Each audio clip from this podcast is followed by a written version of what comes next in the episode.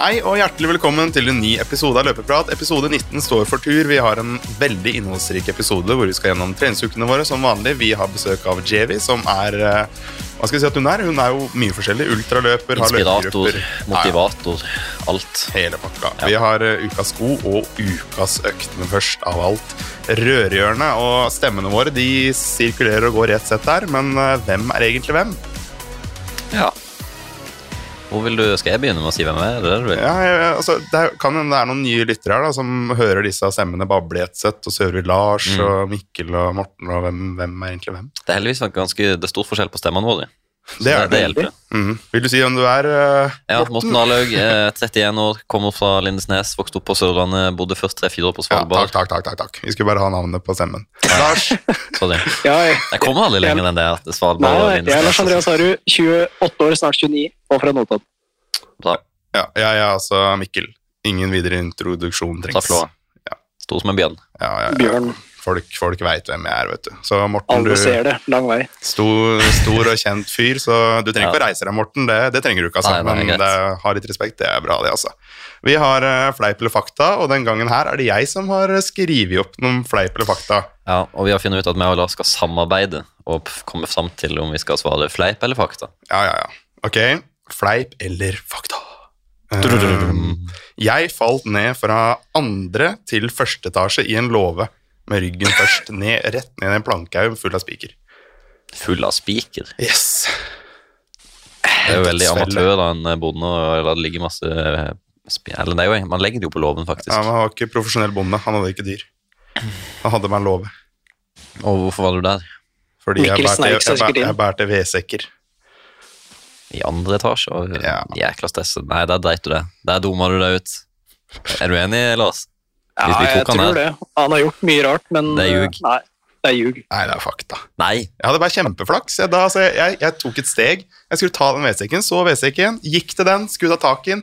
Idet jeg skulle ta tak i den, så fant jeg ut at jeg tok et steg ned i ingenting, for Ja. der var det et høl. Hva tenker du det sekundet der når du skjønner at shit, her er det ikke, her er det ikke gulv, her er det luft? Jeg, jeg husker jeg fikk så sjokk og bare reiste rett på ryggen da, og banka ned i en sånn eh, eh, haug med planker. Og der var det, altså det var sånn uh, materiale som var brukt, da, så det var full i spiker og greier. Ja. Og det, altså det, bare- det bare så flaks, da. Og var sånn, jeg tror det var sju år eller åtte år. Så Ja, okay. vi har jo den Ja. Bare takke for at jeg sitter her i dag. Det er sånn man lærer at man sjekker om det er gulvet bak seg. Ja, det er, eh, Nå ser jeg alltid ned når jeg går. Ja. Um, jeg har jo blitt eh, konfirmert, som veldig mange andre, i i kirka. Uh, så en gang så satte jeg Det er helt sjukt, da. Ved et uhell på Eller fyr på menighetshuset i Flå. Altså begynte å brenne. Jeg, drev og lei, jeg, lei, ja, jeg leika med stearinlys, så tok duken fyr. På, på konfirmasjonsundervisninga. er Ja, men eh, ja. ja, hvor, det var- hvor det stoppa brannen hva endte det med? Nei, vi måtte ha brannslukningsapparat og greier, så vi fikk jo Ja. ikke brukt det Brant ikke ned hele skiten? Nei, Nei. vi fikk brukt det type uka etter eller noe. Ja, ok. Type uka etter, ja. Jeg husker ikke, det er jo noen år siden. Hva tenker du, Lars? Han har mye detaljer nedi Det er Ja, det ja det, er, det er veldig mye. Det var litt sånn derre. Ja, Ja, det, ja. Så Nei, vi kan kan Jeg tror vi sier fa fake. fake. Ja, okay, fake fra Lars. Ja, fake. Ja. Du er fake. Ok, det er riktig. Yes. Bra, Lars, for jeg hadde holdt på, Oh. han, han lurte meg nesten igjen. Jeg er jo, Før jeg begynte løpeprat, så er jeg kjent som en ridder. Og en gang i tida så ridde jeg på en bjørn. I Bjørnparken. Ja, Jeg jobba der. Kan godt se for meg du har ridd en bjørn. Mm. Ja, nei, det Det hørtes veldig gøy ut, men eh, Ja, men det var, et- eh, nå, Hvor lenge må du sitte på bjørn før du har ridd på bjørn? Nei, det er jo sekund, da. Du trenger ikke noe mer. Nei, ok. Bare i teorien. Altså. Det, det tok ikke en runde, liksom? Nei, nei, herregud. det hadde meter, nei, nei, nei, da hadde det gått galt. Ja. det var det du tjente penger på. Nei, faen. Ri bjørn. Nei, jeg- Du Altså, har jeg- jo hatt jobb i Bjørneparken. Ja, det I det har USA så ror de med okser. I Flå så rir vi bjørner. Ja. I Russland har man jo venn. Det er jo så mye bjørnevideoer på Instagram med, med russere. Mm, Så at du har sittet på en bjørn i Flå, det har jo skjedd sykere ting enn det. ja, Men, det har det. Nei, nei, ja, hva skal vi si, Morten? Er du overbevist? Eh, jeg tror kanskje at det er fake, fordi han, vi liker jo å snakke om at han er bjørn og bjørnepark og bla, bla, bla, så jeg tror han prøver å lure oss inn i en bjørnefelle her. Jeg har jo ikke to fake på rad. Jo, Jeg kjører fake, jeg òg. jeg ser jo fake. Det er, er fake. Ja da, nå har vi han. Nå har vi, nå har vi knekt koden, her. Nå har vi en. Ok, jeg er Norges beste hjortejeger. Ja. Ja, Sånn, eh, har du vært med på NM i hjortejakt. Bare, bare, si, bare si sant, eller er jo- riktig, eller hva. Fakta. Teit spørsmål, men fakta. Ja, riktig. ok, da har jeg noe som ikke er Altså, vi er ferdig med det her, da. Og nå skal, vi, nå skal jeg si noe som er fakta. Jeg, jeg er skeiv. Ja. Ja. Rammeskeiv. Ja, tolv som du vil. Hvordan, Ja, hva er det første du tenker på? Nei, hva er dette, en uh, gåte? Nei, ja det er en Rebus. En, ja, rebus, ja. Lars, hva tenker du? Nei, at venstrearmen er kanskje litt mindre enn høyre. Nei, ja, ja, altså, det her er er veldig merkelig. Får rett merkelig rørehjørne dette her Man. Nei, nei, nei. Uh, jeg, altså, det som er greia, at jeg, jeg har jo lenge visst det, men her om dagen så tenkte jeg ordentlig over det, at jeg, er så mye lengre i det venstre bein enn i høyre. Ja. Så venstre lander mye tidligere enn høyre. Mm. Det er sikkert flere som har uh, kanskje Jeg fikk òg beskjed om at jeg var skeiv av en sånn fyr som sjekka. Det hørtes Men uh, Jeg ikke- jeg ja, jeg husker ikke hva som var lengst, men uh, Nei. Det er jo sjukt rart. Jeg Mm. burde jo kanskje gjort noe med det. Jeg vet ikke. Jeg tror normalen er at alle har noen millimeter. Ja, jeg tror jeg er et par centi her, da. Ok. Ja, men, ja, men er, det, er det ingenting man Altså, Jeg har jo hørt at man kan få noen sånne såler og greier. Burde jeg ikke gjøre noe med det? Er det ingen tips å få? Hvor stor forskjell var det, sa du? Nei, jeg veit ikke. Det må være noen centi, for jeg lander jo så mye tidligere på den venstre at det, Ja. Ja. Men det er jo veldig ja, ja. Det er jo kjekt når du løper bane, da. Venstresving. Ja, ja, ja, ja. Jeg tror ikke du skal endre på det. Nei. Men, det, eh, det ser ikke ut som at de har påvirka det på halv og ti kilometer, i hvert fall. En ting vi må ta opp, da, det er at uh, det høres ut som Lars sitter på en annen planet, og det stemmer jo. Hvor er du, Lars? Nei, jeg sitter hjemme, da.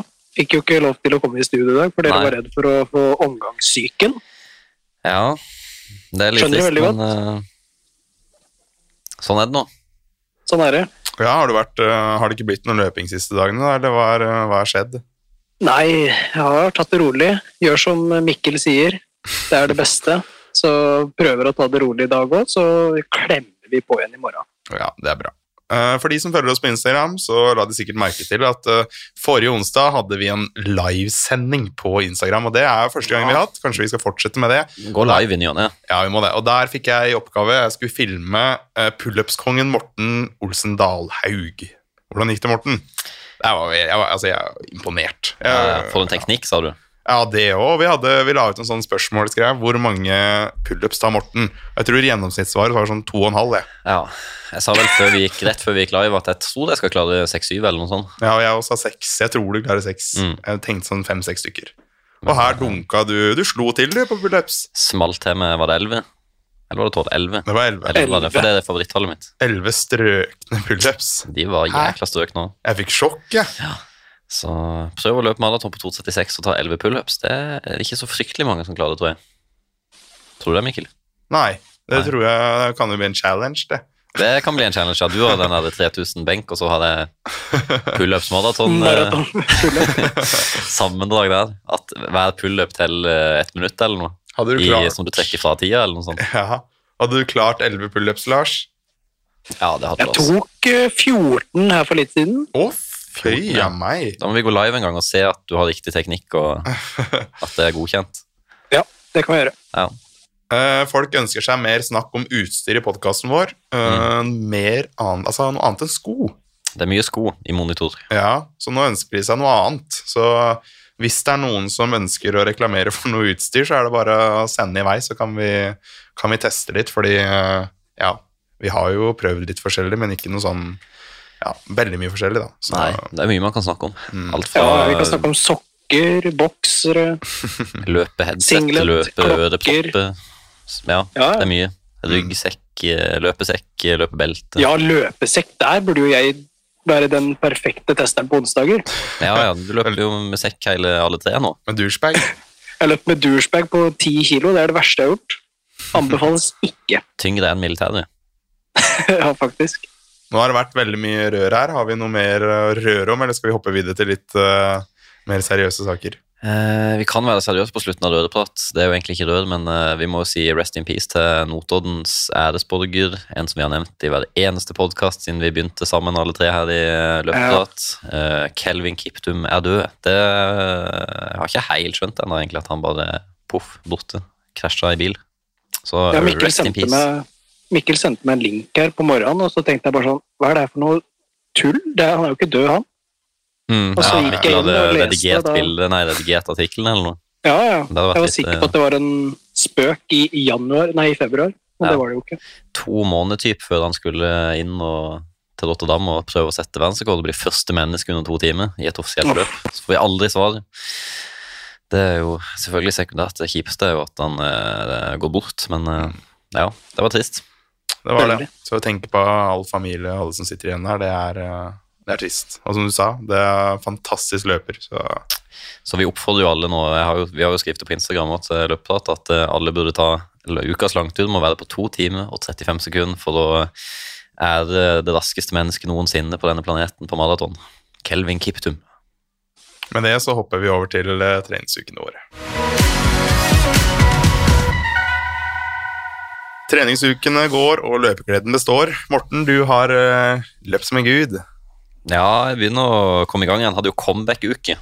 Så 5. januar, dobbel rolig.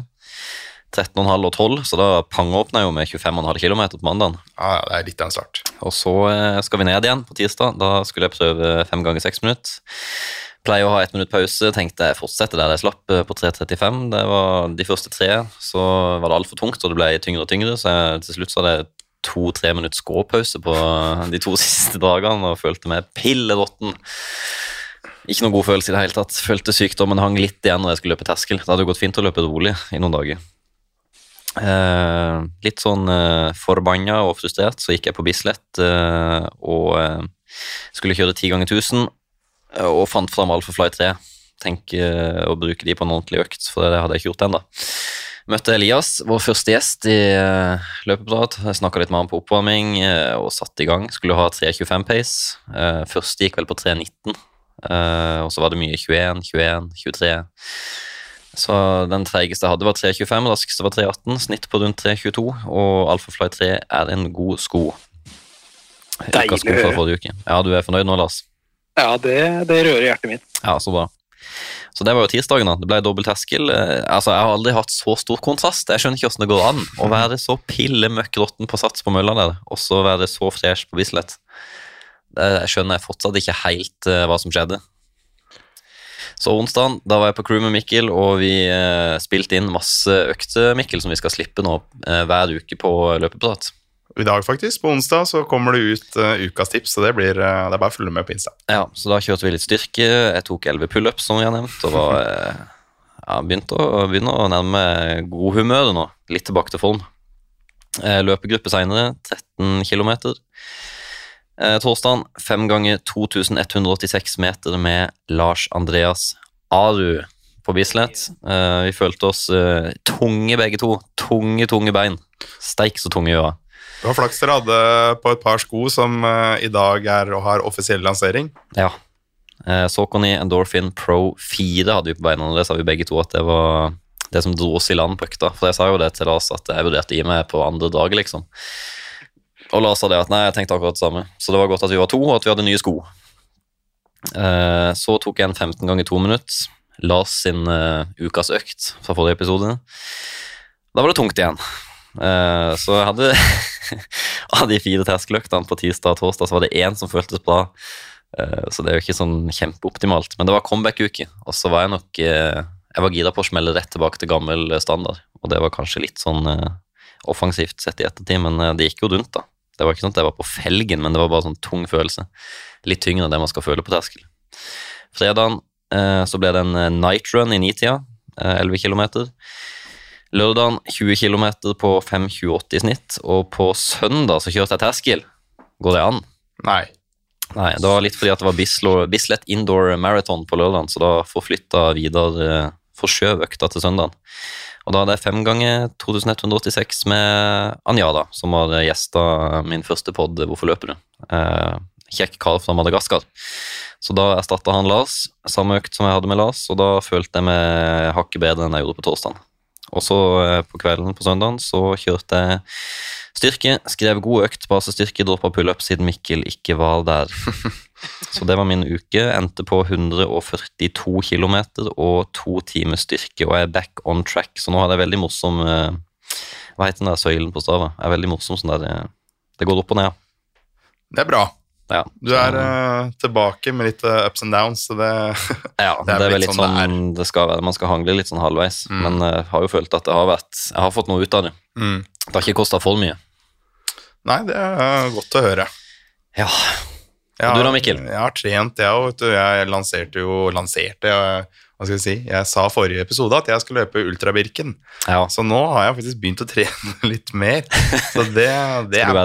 du skal være i forkant denne gangen. Jeg skal være i forkant. Jeg skal ikke ha noe sånn der 'Å, fader, glemte å trene' på løpsdagen. Nei, men eh, jeg har alltid trent, men trent eh, veldig mye styrke. Og da kan jeg si at jeg har eh, snudd litt om nå.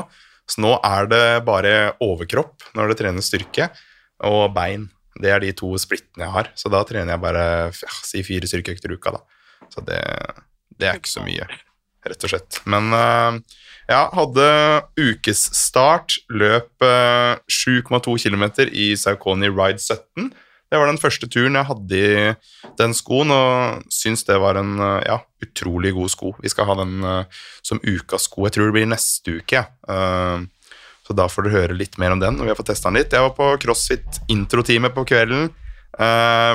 Det var Altså, jeg hadde ikke en hud i hendene mine, så det var jo ja, et kjempeproblem eh, å få trent styrke da. Så trente vel ikke overkropp på ti dager, tror jeg, etter det. Så ødela de. På eh, tirsdag så hadde jeg eh, 1093 meter. Jeg hadde bare fem stykker da, orka ikke mer. Og en 546 meter. Jeg hadde 345 til 338 på 1000-meteren, og så hadde jeg 310 på den 500-meteren. Og det var eh, løpet jeg Rocket X2. Veldig god intervallsko. På kvelden her så hadde jeg styrketrening. Eh, På onsdag så var det løpegruppe med Oslo Maraton. Fikk, fikk 15 km der, nesten en halv time. Fikk løpt en del med deg, Lars, og det var jo det var koselig, det. På torsdag så hadde jeg kun styrketrening på bein, eh, før jeg på fredag hadde to ganger seks, fire to minutter. Eh, første serien hadde jeg på 5% og andre serien hadde jeg på 0% Så fikk jeg ja, eh, variert litt innad i økta, og så det ble litt morsommere å løpe på mølla. Uh, løp for øvrig i Saucony Endorphin Speed 4. Uh, vi har fått uh, Lars Morten har fått eh, et par hver av Pro, og jeg har fått et par med Speed. Og ja, likte de veldig godt på intervall. Syns det var en eh, fantastisk god. På lørdag, eller jeg hadde for så vidt en styrkeøkt på kvelden der, og på lørdagen så hadde jeg 12 ganger 2 minutter, som var eh, forrige uka, ukas økt. Løp på 8 på mølla. Fikk meg en kvalitetsøkt der òg, og på søndagen hadde jeg en langtur 18 km og en total her på, skal vi se, det var 64 km, og det er vel sånn Ja, ja, ja. typ topp tre ukesvolum jeg har hatt i 2023 og 2024. Ja, for det har jeg fått tilbakemelding på at det er veldig gøy å høre deg snakke om trening, for det er masse masse prat, prat, prat, og så spør vi om kilometer, så er det sånn Jeg er 18. Ja, det, altså, eh, hver episode altså, høres ut som jeg ikke trener noen ting, men jeg trener jo også en del styrke ved siden Ja. av. Så trente litt over ti timer da, forrige uke. Ja, det er jo som regel, Du har jo som regel seks-syv timer styrke hver, hver uke. Ja, jeg har det. Så forrige uke hadde jeg fire timer styrke og seks timer med løping. Så, men høydemeterne syns ikke jeg er, da, fordi jeg gidder ikke å legge inn på Strava, men 300, eller 400 høydemeter står det, da, men jeg har jo Ja. mye mer, for jeg løpte en 8 %-økt og en 5% intervall, så prøver å gjøre en jobb her, da. Tre kvalitetsøkter og en langtur, eller to halvlange, da. Ja, Og Ultrabirken det er 60 blank. Ja, det er 60 blank. Det er en liten tur. Det er en liten tur, men som sagt før, løpt 120, halvparten av det skal jeg klare å løpe. Men vi skal trene, så Det må jo trenes litt, ja, selv om du har gjort ting før, så Ja, ja, ja. It's in ja, the past. past. In the past, yeah. But uh, ja, jeg skal trene. Ja, så bra. det er ingen fare. Du da? Lars Ern. Ja, mandag 15 km på mølla før styrketrening. Tirsdag tre ganger seks minutter pluss én ganger ti minutter. Kanskje litt eh, rar økt. Planen var fire ganger seks minutter, men så skjønte jeg at eh, jeg rekker å løpe eh, et siste drag der som var litt lenger. Hadde 16,5 på alt, og løp i ride 17. En, eh, en god, god sko på mølla, altså. Det har plutselig blitt uh, intervallsko, den da. Ja, må jo prøve den litt på alt sammen, ikke bare, ikke bare rolig. Det er interessant. Ja. På kvelden så kjørte jeg ukas økt 15 ganger 2 minutter. Starta på 18,0 og avslutta på 19,4. Det Så- er heftig. Det er heftig med 45 sekunder pause, Eh, men det var overlevbart. Det er godt å høre, ellers hadde du ikke vært her i dag. Så det, Eh, På onsdag, rett etter innspilling, så hadde vi en liten luftetur. pluss løpegruppe, altså litt med Mikkel. 15 km. Vakkert. Vakkert. Eh, torsdag, tung dag, som Morten nevnte på i stad. Fem ganger fire runder eh, på Bislett. Reddet av Morten og Saucon Endorphin Pro, skrev jeg på Strava. Ja, hva hadde vi, hva hadde vi snitt? da? 3.33? Ja, 32 eller noe sånt? Ja. Ja. Men det føltes ut som det var eh, 3.50, kanskje. ja, enig. Så nei, det var, det var veldig tungt. Så jeg valgte å ikke doble den dagen. Så det var lurt. Eh, På fredag løp jeg 17 km rolig. Ble, det var faktisk i telefonsamtale med dere to, så kikka ikke ned på klokka i det hele tatt. Det er smart lite Eh, tips til folk som syns det Kilometerne er fløy. ja, lurt. Eh, På lørdag så løp jeg 15 km progressivt på mølla.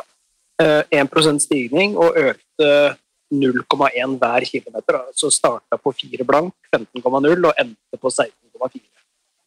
En eh, veldig eh, gjennomførlig og lett økt, egentlig, i Endorphin på 4. Eh, på søndag 19 km og endte da uka med 130 km. Ja, det er solid. Det er nesten det volumet jeg hadde forrige uke, det. Det, det hørtes sånn ut på alle treningsøktene dine, men Ja, Ja, Er du fornøyd, Mikkel? Du er jo veldig på eh, Lars nå for at han ikke skal gå i samme fella som du sier han har gjort syv-åtte ganger. Ja, for han har jo alltid Han går alltid i en slags felle hvor han pusher nesten ekstra på en dårlig dag for å overbevise seg sjøl og jeg vet ikke om du skal overbevise andre om at du er eh, ikke er i dårlig form, men nå lytter du virkelig til kroppen din, og på en sånn dag som den torsdagen der, hvor du ikke føler deg så bra, så presser du ikke gjennom en dobbeltterskel, og det tror jeg du gjør smart, i hvert fall i lengden. ja. Og så nå som jeg har vært dårlig, så har jeg ikke kjørt Jeg tar hvile, da. Og selv om det er fristende å løpe, og selv om jeg kan løpe, så velger jeg heller å ta en dag ekstra. Ja, og du har hatt litt uh, småvondt i akillesen din, og hva har skjedd med den når du tok en dag fri fra løpinga? Nei, bare én dag, da. Så overraskende nok så våkner jeg opp uh, helt uh, Achilles-free, holdt jeg på å si. Kan Mm. gå uten å få vondt. Så det er jo mystisk. Ja, og det er jo litt sånn uh, Ja, det er mystisk. red flag hvis du har vondt Altså hvis du kjenner noe småvondt når du løper, og så fortsetter det når du er ferdig med økta, og du kanskje går med vondt Altså noen løpevondter, da. Mm. Når du bare er ute og går til vanlig, eller har en Mm. dag med det. Det er ofte Ja. sånn der Ok, kanskje vi skal ta en dag eh, fri, for da er det jo åpenbart Ja. noe mer da enn bare når man løper. Ja, da opplever litt sånn småmurring og småtteri. Det har man jo nesten hele tida. Så da er det lurt å lytte og ikke bare dure på og tenke at det går over av seg sjøl, for det er det ikke alltid at det gjør. Nei. Ser en del, eh, ser en del folk som uh, har en del vondter, og så fortsetter å pushe på, og det er Mm. sånn eh, Og så skriver noen at det er fortsatt småvondt, fortsatt kjenning. Mm, mm, og, ja. og det er sånn, så fortsetter du da å løpe, og så har du bare litt vondt. Så det går Mm. fint å løpe, men da er det jo Det går jo til en viss lengde, og så sier det pang, og så er Ja, Fordi lenge det, uten. for den perioden der, da føler jeg kroppen er sånn der Hei, du, unnskyld. Mm. Uh, du, beklager, men uh, Og så hvis du bare fortsetter, da eh, sier jo kroppen til slutt Hva er det du feiler? Og så får du et brudd eller et eller annet, og så bare pang, og så er du ute i flere måneder. Så du må høre på den der lille Unnskyld, hallo. Den der mudringa. Da er det Mm. kroppen som prøver pent å gi en beskjed. Ja, det er liksom Det er så mange hint, og de kan du ha i flere uker, da. Mm. Uh, og så føler du at det blir litt grann bedre, da. Kanskje at du innbiller deg det, og så løper du fortsatt med litt vondt, og fortsetter, og fortsetter, så er Mm. det som du sier, Morten. Sier det pang. Ja. Så det Men er veldig bra. da. Vi, prøver, prøver egentlig å skryte av det, Lars. Ja, ja, det er, det er godt å høre, men jeg sammenligner med før og tidligere, hvor jeg kanskje ikke hadde uh, så mye å gjøre. Eh, nå har jeg jo familie òg, det tar jo på når man ikke får sove ordentlig på nettene og sånn. Mm. Eh, så jeg tror, jeg tror jeg har blitt litt smartere med valg av trening. og Jeg begynner å høre litt på Mikkel, da. Ja, det var jo Da vi snakka sammen før, så var det sånn eh, nå, nå, 'Nå skal jeg løpe til jeg blir skada! Nå skal jeg løpe å bli skada!' det var liksom det du sa til meg, for nå vil Ja, det du var bli jo- skada. Det var innstillinga før, å se hvor langt jeg kunne gå, men jeg endte liksom aldri opp sånn skikkelig skada. da. Nei. Det, Før jeg fikk de hjertegreiene i Drammen, da ble jeg kanskje litt eh, redd, eller jeg vet ikke. Ja, det er lov å føler det er naturlig å bli òg. ja. Man er vel heller dum hvis man ikke lytter til det. Nei, men Nei, eh, så- Det er godt å høre at du er back on eh, track, Morten. Og Mm. Lars trener godt som vanlig. Jeg er oppe og går, og da tenker jeg vi skal hoppe videre til eh, intervjuet med Javi. Hun eh, var så grei å komme innom oss. Vi fikk et eh, Eller vi har hatt et veldig interessant intervju som vi har spilt inn før det her, så Mm. jeg tenker vi bare kan sette over til det. Ja. Yes, god idé. Det er hyggelig at vi fikk besøk av en kollega. Hun har jo løpegruppe, hun òg, sammen som oss, i Oslo Mm. Maraton, så det var en fin eh, start, syns jeg. Ja, Det blir gøy å høre hva hun har å si. Eh, ja, Jevi, velkommen til podkasten. Tusen takk. Det var veldig hyggelig at du hadde kommet. Vi eh, har jo et uh, samarbeid med Oslo Maraton, og så hørte vi via de at du er en uh, ja, veldig engasjert i løping, og sjekka ut litt, og da, da var det ingen tvil, vi måtte invitere deg hit. Så Ja. veldig hyggelig at du ville komme. Så hyggelig. Tusen takk for at jeg fikk være med. Kan du ikke fortelle litt om deg sjøl? Hvem, hvem er du? Hvem er jeg? Jeg er en, ja, jeg er en løper, rett og slett. Jeg pleide å si at jeg er en ultramaratonløper, men nå har jeg ikke løpt en ultra på lenge, så den tror jeg glapp. Eh, Jeg har løpt i typ uh, syv år, um, så syns jeg det er utrolig gøy å løpe. Uh, og For meg så er viktigheten med løping vært at, og det å spre budskapet om løping, rett og slett, og inkludere flere til å være med. Um, og jeg har jo kjent litt på at som løper at dette er ganske nytt for de som kanskje har samme bakgrunn som meg. Så det å spre det budskapet om at løping er for alle, og at det er et fellesskap, og det er kjempebra for kroppen din og psyken din, eh, for jeg har jo endret egentlig helt personlighet nesten eh, fordi jeg har funnet løping og føler at det er en eh, escape for meg, og jeg har blitt mye, mye mer sterkere. Jeg har funnet Mm. friheten. Så for meg så er løping alt, egentlig. Jeg klarer meg ikke uten det. Nei, Hva gjorde at du starta å løpe? Jeg var litt deppa. Jeg tror nok at det var nyttårsaften, og jeg hadde spist en del for mye. og, og i perioden før så hadde jeg prøvd på meg kjoler og skjønt at oi, den eh, normale størrelsen som jeg pleier å bruke, passer meg ikke lenger. Og ikke sant, den verste følelsen er ikke nødvendigvis å nå må du gå ned i vekt, og nå må du telle kalorier og slanke deg. Det er det verste jeg veit. Så jeg tenkte hvordan skal jeg gjøre dette på en sunn måte, og få meg til å føle meg bedre, for det er jo viktigheten. Du kan Mm. jo være slank og ikke føle deg bra. Ja, ja. Så hvordan skal, og det for meg så var det at jeg må, jeg må ta vare på meg selv. Og så ble det slik at jeg vokste jo opp på Romsås, em, og da var det slik at jeg noen ganger gikk joggeturer rundt em, området der, som Mm. er veldig fint. Og så tenkte jeg, hva er den lureste og mest um, the cheapest way to get in shape? Og det var jo løping, eh, fordi du trenger egentlig Man trenger egentlig bare joggesko, men dere har sikkert andre Det meninger. eh, det kan balle på seg. ja. Det kan Ja. veldig balle på seg, det har jeg skjønt i ettertid. Ja. Um, og da begynte jeg faktisk å ta tak i joggeskoene og løp noen turer før det ble en form for avhengighet. Mm. Um, men det var fordi jeg hadde lyst til å føle meg bedre, og jeg visste jo ikke konsekvensene når jeg starta.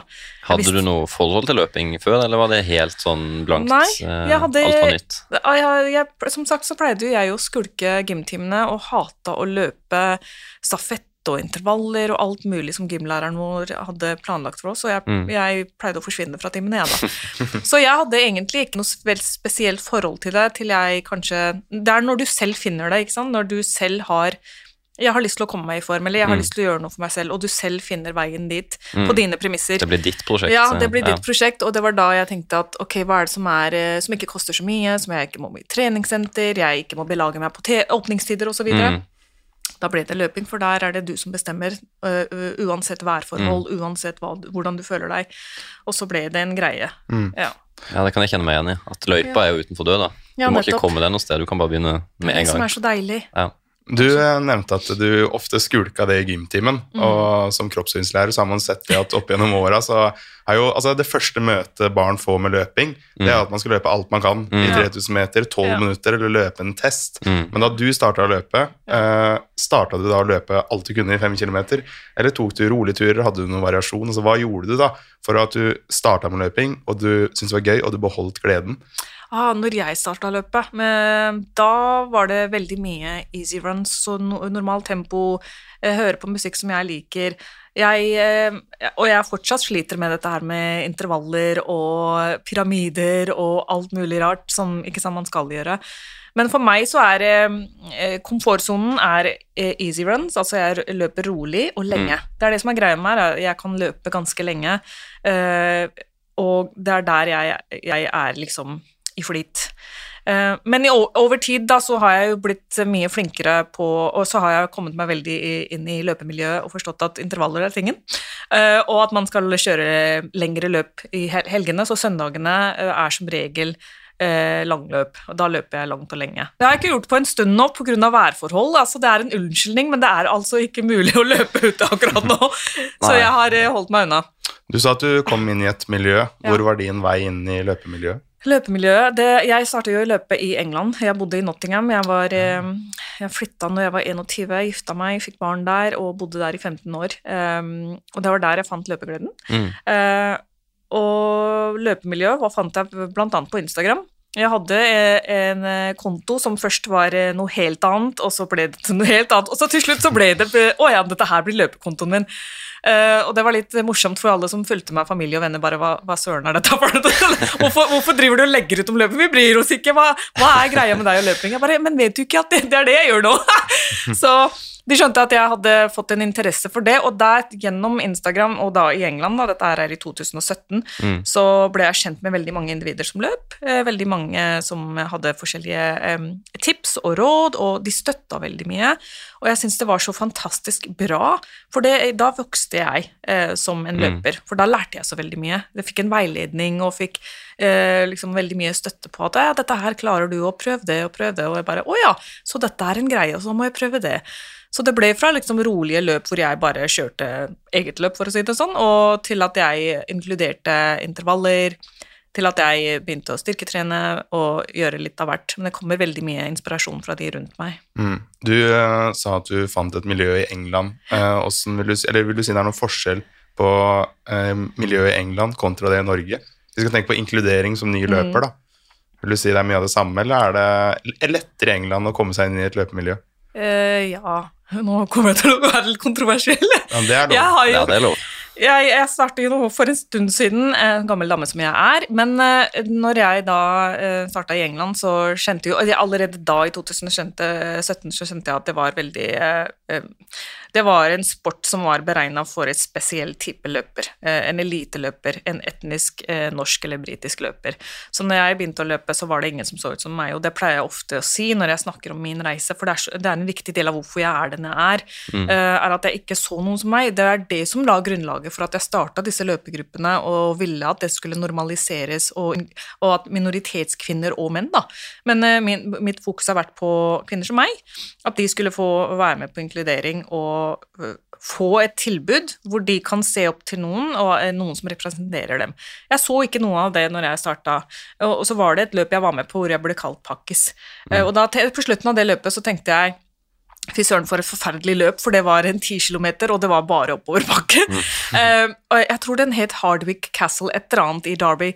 Og så ble jeg ferdig og tenkte jeg, vet du hva, dette her vil ikke jeg at noen skal oppleve. For det første at det var så tøft eh, løype, og for det andre at det var eh, det, Jeg følte meg så krenket. Ja. Og så er det eneste måten å gjøre det noe med dette her på, er å eh, få det inntrykket ut da, at det, sport er jo for alle. Mm. Uansett om du løper fort eller du løper sakte, eller hvordan du mm. ser ut. Ja, ja. Um, så da ble det en greie for meg at ok, vet du hva, nå handler ikke dette om deg lenger, JV. Det handler om alle andre du skal få med deg. Så min reise har gått fra å være, starte disse løpegruppene i England Jeg holdt på det, med det som frivillig i to år. Så møttes vi mm. hver mandag uh, for en time for å løpe. Og det var en ganske koselig liten gruppe. Og så kom jeg til Norge, og det var for ca. fem år siden, og starta igjen med løpegrupper. Men så kom covid og ødela alt i to år. Så vi fikk ikke helt liksom eh, gjort det på en ordentlig måte til jeg eh, samarbeidet med Oslo Maraton. At det har blitt eh, en veldig fin, eh, et veldig fint initiativ. Mm. Det er utrolig kult at du klarer å ta mm den kommentaren, den hetsen, og vri det om til at det her blir et oppdrag for deg. og ja.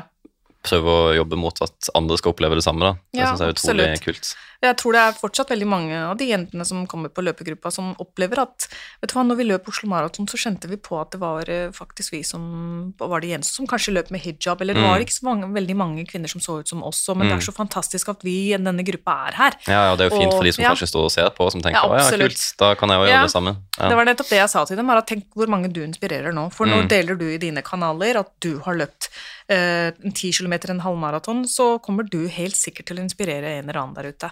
Ja, og det er fantastisk. Med på å ufarliggjøre løping og konkurrere. Ja, ja. absolutt. Ja. Mm. Oslo Maraton er jo veldig opptatt av uh, inkludering, og du har jo samarbeid med Oslo Maraton løpegrupper. Ja. Hvordan uh, kom det til? Løpegruppene Jeg hadde nettopp kommet tilbake fra USA etter ekspedisjonen hvor vi løp Boston til New York i oktober 2019. Jeg husker ikke hvilken oktober det var. 2022, kanskje. Og jeg hadde nettopp blitt ferdig med det, og hadde tenkt at nå, det er nå The time is it for at jeg skal starte disse løpegruppene, for nå er det bare du som er der ute og løper. Og jeg ser ingen som ser ut som meg, det er ingen andre, kanskje norsk-pakistanske kvinner som har inntatt løpearenaen. Hvorfor ikke? Og så kommer hun der da, fra England og skal bare ta plass og snakke om dette her og være i medier om reisen sin. Boston til New York, ti dager, jeg har løpt 375 km i den perioden. Og tenkte ok, nå må jeg gi stafettpinnen videre, hvordan gjør vi det? Um, og så tenkte jeg på selvfølgelig de løpegruppene, jeg har jo erfaring med det, jeg har gjort dette her lenge. Uh, Snakka med Oslo Maraton, og de var veldig game på det, men det, det, never materialized. Så kom det til um, festen vår, jeg tror det var um, Vi pleier å ha en fest i november hvor det er sånn takkefest for de som har vært med, ambassadører osv. Uh, og da uh, holdt jeg en tale, og da, den var på engelsk, da, jeg vet ikke helt hvorfor, for vi snakka jo alle norsk der. Jeg bare tenkte at ok, nå, nå, kjører du denne på engelsk, bare. Og da snakket jeg om viktigheten av mangfold. At det er så viktig å representere og vise samfunnet at det er så mye uh, mangfold. Da er det viktig for Oslo Maraton å understreke det på en eller annen måte, og min idé har alltid vært en uh, løpergruppe. Og så bare startet vi det på eh, hele desember. Planlegging, mye research. Sitter jeg med veldig mye erfaring, så jeg kunne komme med veldig mange innspill. Og så starta vi løpegruppene rett og slett i januar. Og det var, det var, jeg hadde ikke noen anelse om at det skulle bli så populært. Og det skjønte jeg når vi da klarte å få tak i et treningssenter, Lia Trening, eh, og bruke disse tredemøllene helt gratis. Kvinnene kunne komme på drop-in-basis. Eh, og jeg brukte nettverket mitt, og Oslo Maraton la dette her ut. Vi tiltrakk disse kvinnene. De kom, og de løp den timen eh, sammen med meg, med kanskje musikk som de likte og hadde hørt før, ikke sant. Mm. Så jeg tror det, det var hele denne pakken som ble presentert om at dette her er noen som ser ut som deg, som kan, du kan relatere deg til. Dette her kan være deg om noen eh, ikke sant? Det, eh, det er uh, reachable. Det er liksom mm. ikke sånn derre Å, vet du hva, det klarer ikke jeg. Hvis jeg klarer det, så føler jeg at de aller fleste andre kan klare det. Så for meg så har det vært viktig å være en rollemodell, en inspirator, for disse kvinnene. Og et, over et år senere nå sitter vi, og vi fortsetter med disse løpegruppene hver søndag klokka ti på, nå på Bislett stadion. Eh, og det, det, går veldig bra. Det er selvfølgelig opp og ned i forhold til deltakelse pga. værforhold, motivasjon, sykdom osv. Men eh, det vet jeg. Det er jo mm. nettopp derfor jeg prøver å inkludere disse kvinnene, for de barrierene er jo der. Ja. Så legger du til det norske været, så er det mm. bare Men det hjelper å ha et sted at det er det noen du kjenner som venter på deg, og da, ja. det hjelper på dørstokkmila. Ja, absolutt. Å ha noe faste holdepunkt én til to ganger i uka kan gjøre veldig mye. Og det å holde, den kontakt, holde i kontakten og drive og Vi har en WhatsApp-gruppe, vi har en Facebook-gruppe, så mm. jeg har hele tiden kontakt med dem på Å, nå er det morsdag, nå er det Forresten, det er jo Valentine's Day i dag, så jeg sendte dem en melding på at Gratulerer med 'elsk deg selv' første dagen! um, ikke sant? At er, de, de, vet at jeg er, en, jeg er i livet, din, livet deres som en coach, mm. men også som en venn, en som kan ikke sant? Og det har vært litt viktig, så hver dagen før hver um, løpegruppe så sender jeg dem en uh, poll på 'Er du med i morgen?' Mm. Så vet jeg sånn cirka hvem som kommer og ikke kommer. Og de får som regel kjeft hvis de ikke kommer. sånn Spesielt i siste liten. Bare 'Du sa du skulle komme, og så kom du ikke!' Ja. Nei da, jeg prøver å holde dem motivert. Men som dere vet, så er motivasjonen Det varer ikke så veldig lenge. Den kan forsvinne. Det er disiplinen som gjør at du fortsetter. Mm. Sånn, hver gang du møter opp. Og det, jeg prøver å vise dem at disiplin, disiplin, er viktig. Og alle de her jentene følger jo meg, meg på sosiale medier og vet hva jeg driver med, og jeg legger ut veldig mye av min egen trening. Og de vet at uh, come rain or shine, så er jeg der ute og løper, eller jeg er der og trener. Så ja. Det er jo åpenbart at det er et uh, stort behov da, for mm. når det er så mye interesse rundt den løpegruppa di. Og mm. jeg har ikke hørt om så veldig mange andre grupper rundt i Norge som har tilsvarende.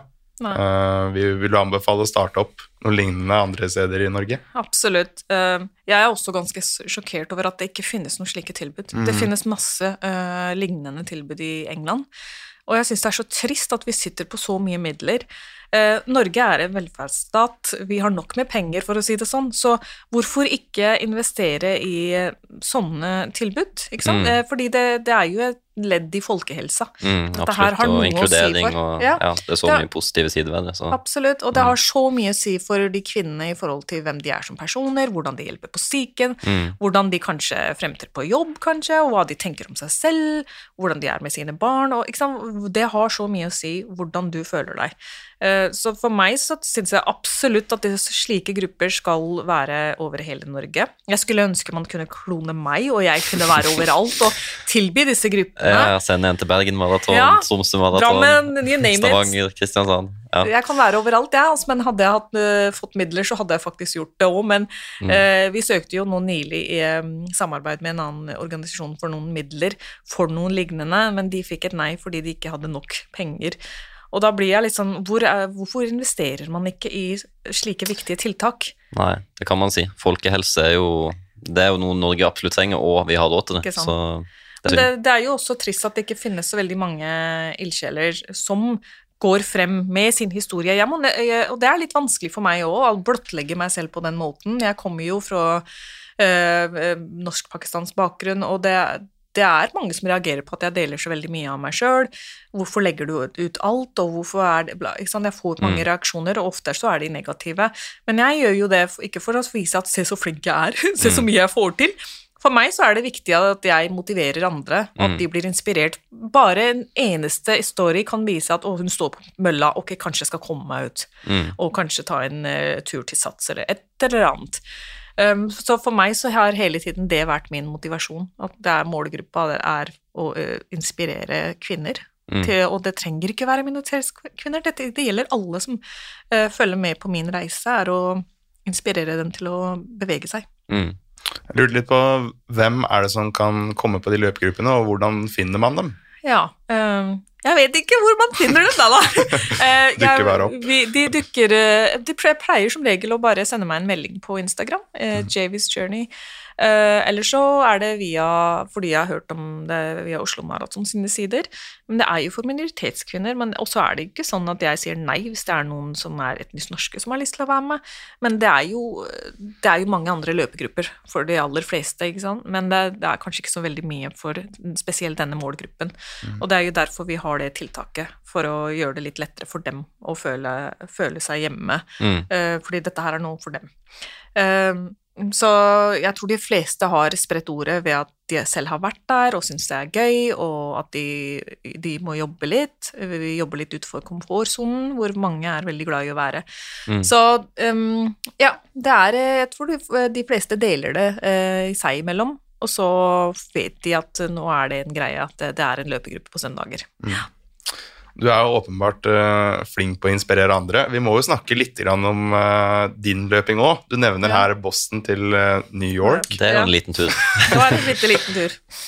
Det må vi, Hva er greia der? Der det er jo ikke en svipptur på en dag, det. akkurat. Nei, altså De fleste reiser jo enten til Boston og så løper de et maraton der, eller så da man til New York og løper der. Man tar liksom ikke Boston til New York, så det må Nei. du fortelle litt mer om. Det, det er høydepunktet i livet mitt, men den er også det er fantastisk å se tilbake på. Men når du er i det, så har du bare lyst til å rømme derifra, fordi det var en utrolig tøff og utfordrende reise. Jeg tror aldri jeg har vært så ute av komfortsonen min som jeg var der. Men jeg er jo ambassadør for Falkesport, eh, som er en tysk klesbedrift. Mm. Altså de lager eh, veldig fine sokker og litt forskjellig. Eh, men jeg har vært en del av den gruppa nå i et par år, og de eh, hadde et prosjekt hvor de tenkte de skulle løpe fra Boston til New York i løpet av eh, 10-11 dager i oktober. Og så hadde de tenkt at de skulle få med seg fem kvinner. To av dem var andre ambassadører, og tre av dem var fra USA. Hun ene hadde jo løpt med Killian Jornet em, i Mm. et løp, og var utrolig rask løper. Så jeg og henne hadde ikke noe til felles. Var du er Wolfpack, og jeg er ikke Pack i det hele tatt. Jeg er bare very slow. Men de var utrolig hyggelige, søte jenter. Så de eh, ville ha meg med, fordi av all den innsatsen jeg har lagt i å få, eh, til å få minoritetskvinner til å løpe, og syntes det var så inspirerende. Og jeg hadde sagt takka nei, fordi det, var, det, ble, det hadde det var ikke så veldig tiltrekkende å løpe en maraton hver dag. Og det prøvde jeg å fortelle dem at du, jeg har nettopp løpt London, og det gikk ganske greit. Men jeg vet ikke om jeg klarer det hver dag i ti dager, nesten to uker. Nei, det er voldsomt. Nei, og de bare ja, men vi kan, vi kan tilpasse det for deg, du kan løpe en halv. så det ble maraton, halvmaraton, maraton, Ja. halvmaraton, 50 km, halvmaraton. Det var sånn dagene gikk, og så bodde vi i en bobil, og det var utrolig ukomfortabelt, men herregud, så fantastisk opplevelse. Å løpe gjennom eh, USA midt i halloween-tida, Ja. eh, og så skjønte jeg at eh, New York var fantastisk fint, og det var stort, eh, og vi landet, altså vi, eh, mållinjen var da i Times Square, og jeg husker det så, så fint at jeg måtte, den siste dagen måtte jeg løpe alene, for egentlig så hadde vi løpt, veldig mange av oss hadde løpt sammen. Mm. Og jeg, jeg fikk to klokker. Eh, Min Garmin hadde ikke sånn eh, jeg, jeg klarte ikke å legge inn eh, ruten inn i min Garmin, så fikk jeg den av han andre koordinatoren, så jeg hadde to løpeklokker på meg. Den ene for å vite liksom, hva, hva slags tempo jeg løper, og den andre på hvor skal du. Så jeg, jeg måtte løpe helt inn i Times Square, en lengre vei ut, fra Brooklyn Bridge, tror jeg. Um, og så var mållinjen der, og det var den turen på ti dager. Mm. Jeg var der i to uker, men det var utrolig spennende. Men det var herregud så slitsomt for kroppen. Jeg Ja. kom tilbake til Norge og hadde ankelskader, og jeg var dårlig. Men eh, jeg var på jobb mandagen etter, jeg kom tilbake på lørdagen. Jeg var sjokkert over at kroppen min hadde takla den eh, belastningen. Ja. For det hadde jeg ikke trodd. Jeg trodde jeg skulle være sykmeldt i en lengre periode i ettertid. Nei da, det gikk fint. Og jeg bare Å, søren, det betyr at du kan få ting til, ikke sant? At det er, det er ofte det vi tenker om oss. eh, Mm. At vi ikke klarer tøffe ting. Mm. Men det er først når du eksponerer deg til det, at du skjønner at ja, men dette her gikk jo. Mm. Selv om ikke sant, det gikk så fantastisk bra, og jeg ikke løp så kjempefort. Det tok lang tid. Hver dag var vi på bena åtte-ni timer. Ja. Så Og dette ble filma òg, så det ligger Ja. ute på YouTube. Det for de som har hele dokumentaren ligger på YouTube. Falk Sports sin dokumentar fra Boston til New York. eh, og Mm. den eh, Jeg tror ikke den er så veldig lang, men den er utrolig, det var utrolig gøy å se på den i ettertid. Bare å ja, Mm. jeg var litt sliten, ja. og jeg sitet veldig mye og klagde en del, og jeg var, jeg var sliten, for det var tøft. Jeg har aldri løpt så mye. Mm. Men det er jo en opplevelse for livet, vil jeg tro. Det er jo noe man Helt. aldri glemmer. Veldig. Det meste av tånegler og Mm. presensen og alt mulig. Ja, det var utrolig gøy. Ja. Det her eh, det er jo et helt syk, eh, det er en helt syk opplevelse. Ja, veldig. Um, men uh, har du noen andre løp du vil trekke fram som har vært skikkelig kult? Altså har vært din kuleste løpsopplevelse? Det her er jo åpenbart veldig Det er vel, er høyt der oppe, men ja. er det noe som er kulere? Oh, er det noe som er kulere? Ja, helt sikkert, egentlig. Jeg, er jo veldig glad i London. London Marathon er ganske gøy å løpe. Det er fordi det er en ettertrakta løp. Alle Mm. vil løpe den, vet du. Og Jeg har hørt det er mye god stemning eh, i Veldig. løypa. Det er den beste stemningen jeg har noen gang har opplevd, og det var det første maratonet jeg løp etter at jeg hadde Jeg hadde nettopp begynt å løpe, så et år etter så løp jeg London Marathon. Altså fra å Mm. løpe, være helt nybegynner, til å Ja, nå skal jeg løpe maraton, liksom. Ja. Eh, så skjønte jeg at ok, det ble litt for fort. Det tok meg en evighet. Eh, Jeg hadde trent i hele vinteren, og så var jeg jo løpsdagen på en veldig varm dag når det var 25 grader, så jeg sleit. Ja. Men det gikk forholdsvis bra. Jeg var også skadet, men det var, det var så fin eh, atmosfære, eh, fordi folk heier så. Mm. eh, og det er veldig mange mennesker der. London er London, så den, den er veldig fin. Den anbefaler jeg hvis du kommer deg inn. Mm. Eh, jeg løp den også to uker før Boston til New York for andre gang, og da var det noe helt andre boller, fordi det var altfor mange mennesker der. Jeg klarte ikke å løpe forbi folk, og jeg skjønte ikke hvorfor er det så mange som løper i dag. Ja. Eh, Men jeg vet ikke hva som har skjedd. Jeg tror populariteten har bare gått opp, Ja. og at det var veldig mange. Ja. ja, London er jo et av de vanskeligste å komme inn i Ja. hvis ikke du har britisk statsborgerskap. Da er det jo ganske nettopp. mye enklere. Ja. Mm. Så uh, nei da, så jeg tror nok det er London, men jeg er også veldig glad i Oslo Maraton, for jeg syns de har uh, fantastisk stemning. Vi er så heldige med været hver gang, Mm. hvert år òg. ja, Ja. Så det har vært eh, veldig gøy. Jeg liker at vi får bananer og litt forskjellige ting eh, under løypa.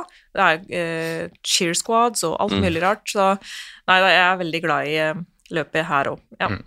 Veldig mange som løper uh, maraton, sånn, sånn, de er jo veldig opptatt av åssen tid man løper på. Det er Ja. det tidspresset, det er det eneste vi gjør. Hvis vi løper på en dårlig tid, så blir vi deppa. Åssen er Mm. ditt forhold til det med tid? Altså, Ja, har det motivert deg, liksom? Eller det, det er helt sånn u, uviktig? Det, ja. Nei da, det har vært eh, en viktig del eh, i en periode, men når jeg startet, så var det ikke det. For jeg skjønte jo at jeg er the back of the liksom, Jeg ligger lengre bak og løper faktisk ikke så veldig fort. Men det var greit for meg.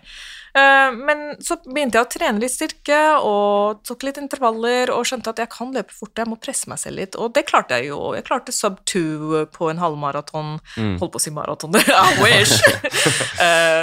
Eh, og eh, har løpt maraton innen mye bedre tid. Um, første eh, London Maraton var på fem og en halv timer, Mm. og andre var på, fire og en halv. Så det er, det er liksom eh, Med noen år så går det litt Det går bedre når du blir en bedre løper, erfaren løper. Men som sagt så har jeg aldri har lagt fokuset på at å, nå skal jeg perse, nå skal jeg løpe fort. Jeg ser at det er veldig mange som trener eh, nå da, for London, og som skal løpe sub 4, og er ganske forholdsvis nye på løping.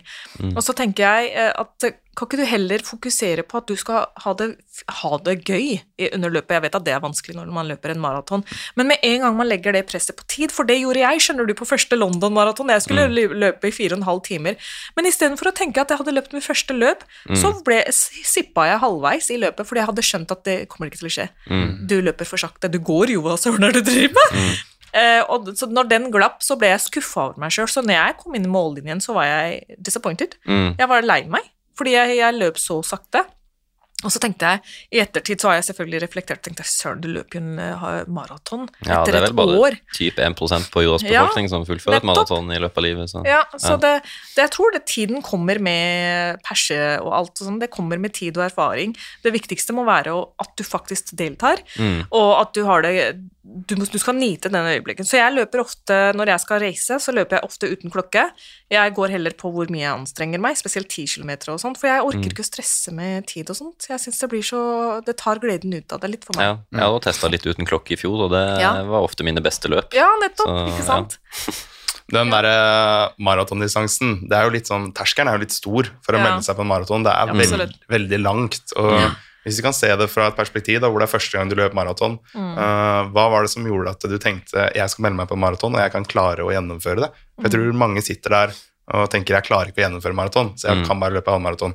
Ja. Begrenser seg sånn. Absolutt. Jeg får veldig mange henvendelser på at det, de aller fleste tror de, de ikke kan få noe til. Glem eh, maraton, glem halv, glem ti. Mm. Glem at de kommer seg ut og er med på løpegruppa, fordi det er for stort. Når de Mm. ser på 'Å ja, men se på du' Nei, men ikke se på meg! Nei, se det- på hva du kan få til. Ikke Ja. på, bli inspirert av andre, men tenk heller på at du skal starte fra ett punkt. Da tar det tid. Det har tatt meg syv år til å komme til dette punktet. Mm. Det har ikke bare vært bare, bare. Det tar tid. Mm. Og eh, jeg tenker at det viktigste er å bare få på de skoene og starte et sted.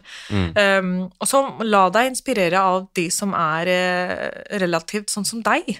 Ikke nødvendigvis de, de som er eliteløpere. Altså, folk blir betalt for å løpe. Det gjør ikke de aller fleste. Jeg gjør ikke det nødvendigvis. Så jeg gjør det fordi jeg skal få glede av det, Mm. og samtidig prøve å motivere andre i min løpereise. Jeg er ikke på Strava engang, og det er, sjokkerer veldig mange. «Ja, Hva er din Strava? Nei, jeg har ikke Jeg tror jeg har vært det i en periode, men jeg bruker det ikke. For meg er det ikke viktig med hvilke segmenter jeg har løpt fort, eller hvor jeg har vært, eller hva jeg har gjort. For meg er det viktig å vite at jeg har løpt den distansen. Jeg har løpt det på det tempoet. Ok, da vet jeg at du har fått det inn i løpebanken. Eh, f- så det er det, sånn jeg gjør det. Men det, det trenger ikke å passe alle, den måten jeg gjør det. Jeg, men for meg så er det viktig at um, de aller fleste, majoriteten, løper for, uh, fordi at de skal holde seg spreke, at de skal ha det bra med kroppen sin og psyken sin. Mm. Um, det er adrenalinrushet, på slutten endorfinene, og det som gjør at du kommer tilbake til det. Hvis du begynner å stresse med tid og persing og 'jeg må få i det løpet, jeg må gjøre det' Du stresser deg selv til det punktet hvor det ikke er gøy lenger. Mm. Og det er Ja. det du vil unngå. Mm. Ja, det er jo synd hvis liksom alt er liksom at man tenker at alt er failure, mislykka, Ja. hvis man løper 4.01 istedenfor 3.59 på maraton. Så siste Oslo Maraton løper jeg 2.01 på halvmaraton. Jeg ble litt sånn derre Herregud, Jamie, det der var topp!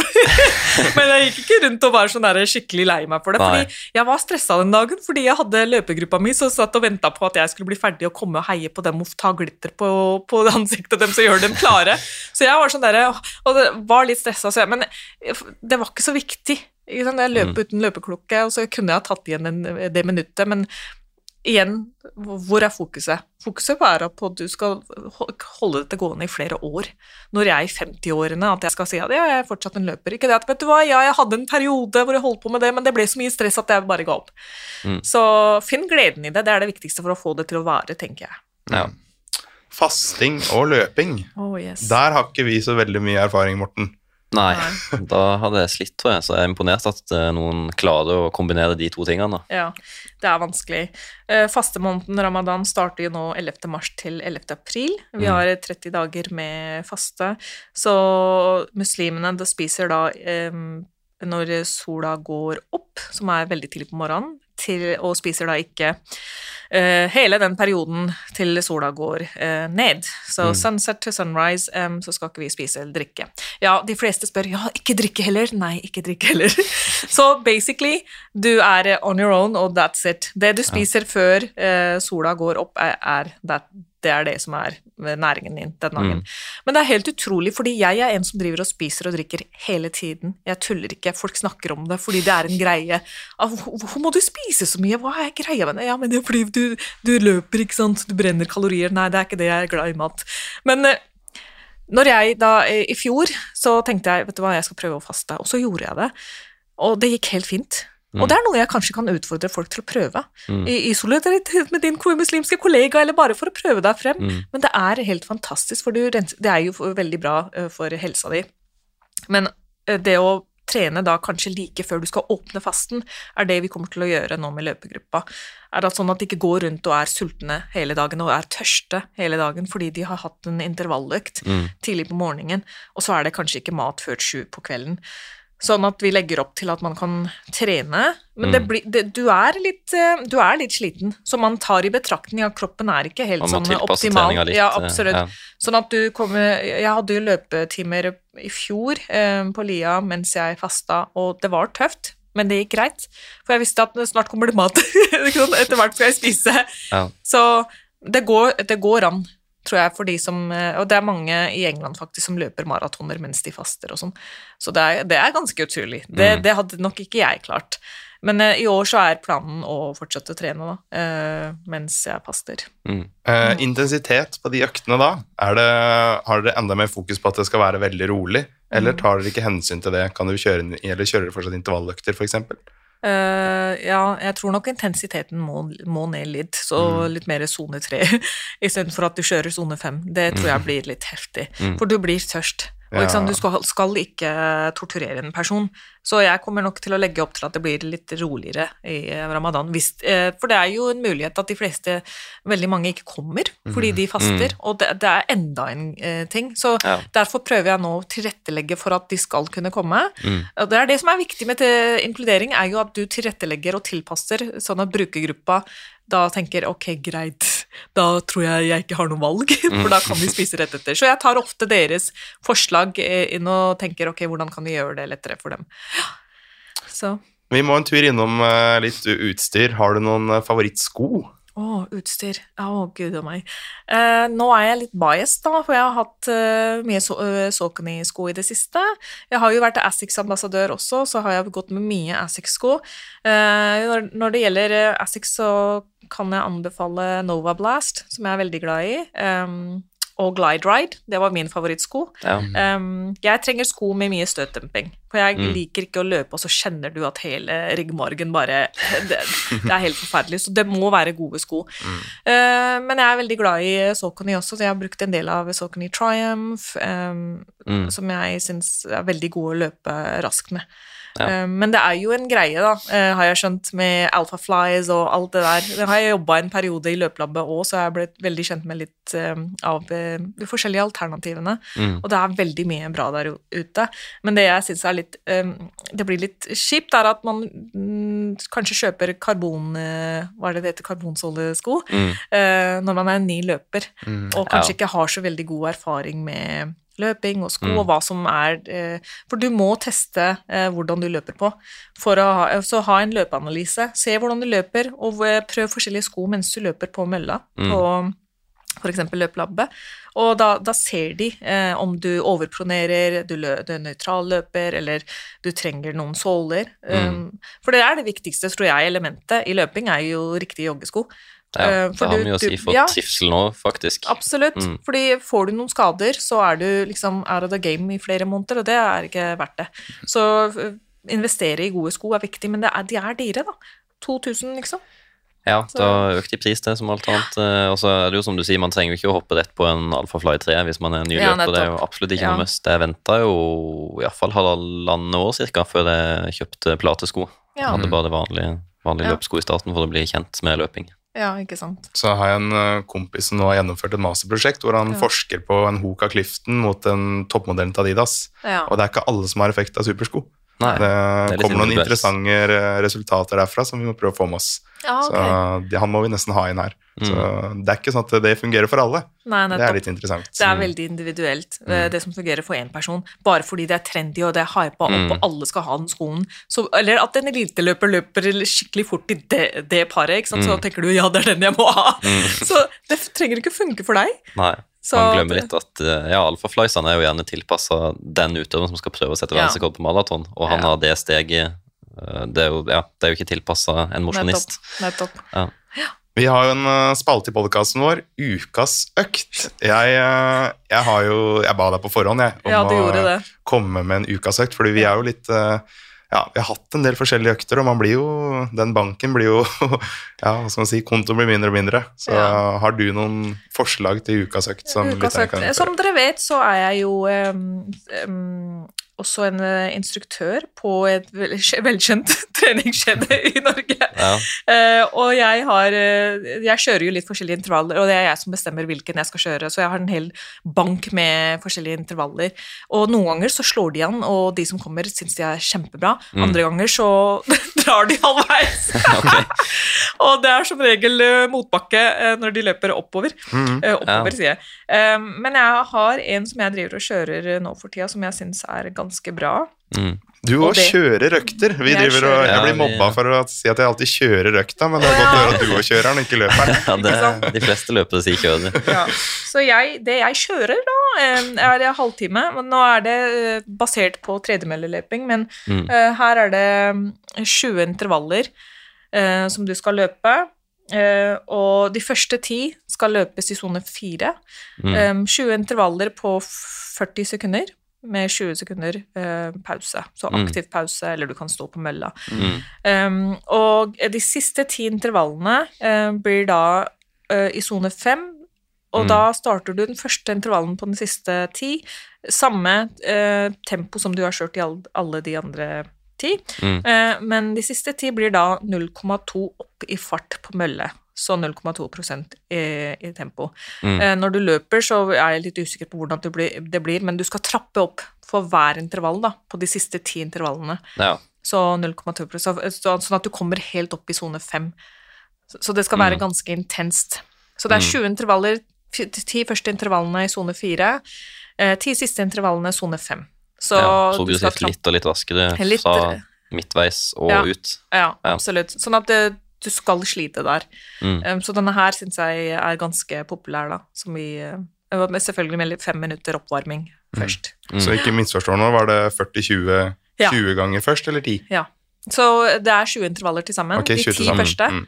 eh, er de som du kjører i sone 4. Mm. Og de ti siste, da skal du begynne å gå opp i fart helt Mm. til du You reach the zone 5. Så da øker du med 0,2 km Ja. i timen hvert 40, eller hver minutt, da? Ja. Ok, That's Mm. right. supert. Så- Har Man du- bestemmer litt selv om man vil ha flatt eller motbakke. Ja, eller, eh, motbakke er som regel eh, Det vi sier, da, for å skåne knærne, er jo på to. Mm. Eh, men eh, hvis du løper ute, så trenger du ikke å Holdt på å si! Da løper du bare flatt. Ja, Da har du litt eh, motbakke uansett. sant. Mm. Den økta her tror jeg vi ikke har hatt før. Nei, den var ny. Ja. Mm. Den ta Prøv, prøv dere frem. Den, er, den er, har jeg kjørt et par ganger, og tro meg, den er, den er litt tøff, altså. Mm. -hmm. For det, det blir intens. Sone fem er ikke bare bare, har jeg skjønt. Nei, man tenker at 40 sekunder det var- er ikke så lenge, men det er Nei, ganske lenge når man er sliten. Ja, Ja. når man er sliten, og det skal være så mange. Åh, vi er ikke i nærheten, det er bare sju Mm. vi har tatt ennå! Så den tror jeg er ganske grei. Ja, den er fin. Mm. Spørs om vi får uh, si at det er det, da. Og så de som lurer på Nå har noen spørsmål da, om hvordan Ja. de kan bli med i løpegruppen din. dine. Ja. Hvordan tar man kontakt? Eh, de kan eh, eh, kontakte meg på Instagram. Jeg er på JV's Journey. Eh, så går det an å bare sende meg en melding, eller om du kjenner noen, eh, eller om du er interessert, eh, så er det bare å ta kontakt, så er jeg behjelpelig. Yes. Supert. Veldig bra. Tusen hjertelig takk for at du kom. Tusen takk for at jeg fikk komme. Det var veldig hyggelig å være her. Og jeg ønsker dere lykke til med deres løpegruppe. Jo, takk. Competition, da! Nei, men fantastisk. Ja, supert. Takk skal dere ha. Tusen takk til eh, JV som tok turen innom. Det er jo, eh, ja, Vi trenger sånne som jobber for eh, inkludering i samfunnet, og spesielt idretten. da. Mm. Ja, løpinga kan bare takke og bukke for sånne ildsjeler. Ja, Dette er jo et problem vi har sånn generelt i idretten også, med at eh, det er vanskelig å inkludere alle, og Norge er et rikt land. Det burde satt av mye mer penger til barneidrett, blant annet, som koster veldig mye penger. Mm. Vi har heldigvis ildsjeler som jobber for det, men annet den Zuccarello-stiftelsen, Ja. som ja, vi hørte litt på de i forrige uke. Mm. hvordan de jobber. eh, og det er jo tydelig at uh, de, alt skal være gratis for Mm. barn og idrett og sånn, men det er jo ikke det. Nei, men det kan vi jo tipse om eh, Zuccarello-stiftelsen, Zuccarello-stiftelsen, at man der kan søke om et stipend da, hvis man er foreldre som sliter med å ha råd til rett og slett få barna med på eh, Mm. Det er sånne tiltak eh, ja, som vi er helt avhengig av når den norske rike stat ikke klarer å betale. Mm. Så nei, det er en problemstilling som eh, ja, vi har på flere områder. Ukas sko denne uka her, Misuno. Du kan Ja. ta over herfra, Morten, du som har skoen. Misuno Wave Rebellion Pro 2 ble jo veldig hekta på eneren i fjor. Så fikk jeg, var jeg så heldig og fikk en Proto, heter den ikke Pro, men Proto, av den i høst, og har løpt en del raske drag med den. Det er jo en, det er den mest hissige skoen. Eh, Det er ikke en god joggesko. Den har blitt enda mer aggressiv enn forgjengeren. Og den er vel, eh, jeg tror den er 50 mm på det høyeste punktet. Misuno har jo finta ut uh, åh, hva heter de som setter reglene? Det står stille. Men reglene er jo maks 40 mm på det ett punkt i hælen, og så kan det være ja, Så lenge det er under det, så er det good, da. Men de har jo tatt et punkt litt lenger fram og bare most på med mye skum der. Ja. Så den har jo et veldig spesielt utseende, som er Folk kan jo søke opp og se skoen. Veldig aggressiv. Eh, dropp er faktisk bare 1,5 millimeter, men det føler du ikke. Nei, det ser jo ikke sånn ut når man ser på en skoen heller. Nei, det altså blir litt, jeg tror det blir, det blir litt misvisende nå, det der droppen når skoen er så bra som man er. For Man Mm. føler virkelig at man står på tærne og skal løpe fort. eh, Og jeg føler jeg må opp i sånn 320 pace på Wave Rebellion Pro 2 for at den skal jobbe der den er designa for å være, liksom. Mm. Eh, Løper jeg seinere enn det, så havner jeg veldig på hæl. Jeg er jo hæløper, og da blir jeg straffa i skoen òg. Så det er en sko som jeg er nødt til å løpe fort i for å få noe ut av. Mm. Så for min del og på mitt nivå så er det en sko jeg kunne hatt på maks 10 km gate. Jeg hadde ikke vært god nok til å eh, utnytte skoen maks på et halvmaraton eller maraton. Da må du være eliteutøver, rett og slett. Så dette her er jo en sko for spesielt interesserte. Mm. Jeg hadde jo eneren, brukte den én økt på Bislett, men sleit med at han blei litt stabil. For meg som faller litt Nei, ustabil. Ustabil. Sleit med at han ble stabil. For stabil sko. Nei, han blei litt ustabil for meg. Jeg falt litt uh, Innover. Mm. rett og slett, og fikk vondt i ankelen min. Men uh, det er kanskje noe som er utbedra på toeren, eller? Ja, i hvert fall sålen, så er det Det var på en måte en halvøy på Mm. eneren. Nå er det mer sammensatt, da. Så den er jo litt mer stabil sånn sett, men det er fortsatt en ganske smal sko, så jeg, jeg elsker jo den jeg som har veldig smal fot. Mm. Men den er nok eh, den er mer stabil enn forgjengeren, ja. Det er den. Og enda mer hissig. Mm. Uh, og det kan jo være pluss for noen og minus for andre. Mm. Så det er en sko jeg absolutt anbefaler å teste uh, før du kjøper den, kanskje. Men det er nok mitt soleklare valg nå på en fem kilometer gate, så tror jeg jeg hadde valgt den per dags dato. Ja, du har skrytt mye av den skoen her på Ja. 500 meter og Ja, spesielt 500 meter og 1000 meter for så vidt, så syns jeg det er en helt uh, rå sko som man flyter billig på i høy fart. Du sparer den litt, så jeg Ja. tror nok at denne Jeg har en følelse av det blir en konkurranse i den her, eller? Ja, nå skal jeg legge de på is fram til jeg finner en rask 5 kilometer, tenker jeg, så skal jeg smulle av gårde i den skoen der. Så kan jeg ikke skylde på skoen, i hvert fall. Supert. Da har dere et uh, nytt tips i konkurransekategorien. Vi hadde to konkurransesko på rad nå, så de som blir lei seg for det, beklager. De som er glade, vær så god. Uh, det blir litt sånn. Neste uke så skal vi ha en uh, mengdetreningssko igjen, så Mm. da blir det en Saucony Ride 17 som vi har prøvd mye. Ja. Som Lars nevnte, han har løpt intervall Liksom. Lars har blitt veldig fan. Ja, jeg òg har blitt fan. Jeg gikk Ja, seg ja. litt til. Ja, vi må ikke, Nei, vi må ikke røpe noe. Nei, vi må ikke røpe noe her nå. Eh, vi har jo hatt uh, ukas økt. Den tok Revi Jevi seg av. Vi legger den ut på Løpeprat løpeklubb, så du har uh, Mm. oversikt. På Strava. ikke- Strava. på Strava, ja. Så da, der er vi aktive om dagen. Neste uke da skal vi svare på mye forskjellige lyttespørsmål, så vi kommer til å legge ut noe på Instagram hvor du har mulighet til å eh, sende inn på sånn spørsmålsetikett. da. Mm. Eh, hvis ikke så kan du også sende oss DM, og så skal vi prøve å få med oss det meste. Vi har veldig mye lyttespørsmål i innboksen så vi prøver å svare på alt, men uh, det kan ta litt tid på noe. Ja. Noen spørsmål er jo store, ja, veldig. Uh, man nesten må ha inn ekspert og full pakke. Så, Ja. Men det er bra at vi får sånne spørsmål. Ja, det er det. Uh, send inn lyttspørsmål der, ja. Uh, vi har fellesøkt med Oslo Maraton. I dag er det samarbeid med Aktiv mot kreft, så det gleder vi oss veldig til. Så får vi se om det dukker opp en del folk. Det blir jo straks bar til Oslo, da tipper jeg flere kommer seg ut av døra. Ja, nå er det like før. Det, er litt, det blir nok et par snøperioder til nå, men eh, nå er vi fader meg godt over halvveis i vinteren her. Vi nærmer oss. Ja, det blir deilig. Nå har jo, ja, vi skal si Lars på en annen planet, han har uh, takka for seg, så jeg tror du må steppe inn for Lars i dag. Så da sier jeg ja, ja, du, du tar på deg ansvaret. Ja, jeg feila jo sist, da. Men Ok, jeg eh, prøver. Jeg skal, jeg skal prøve. Ok, tren godt, tren smart. Vi løpes.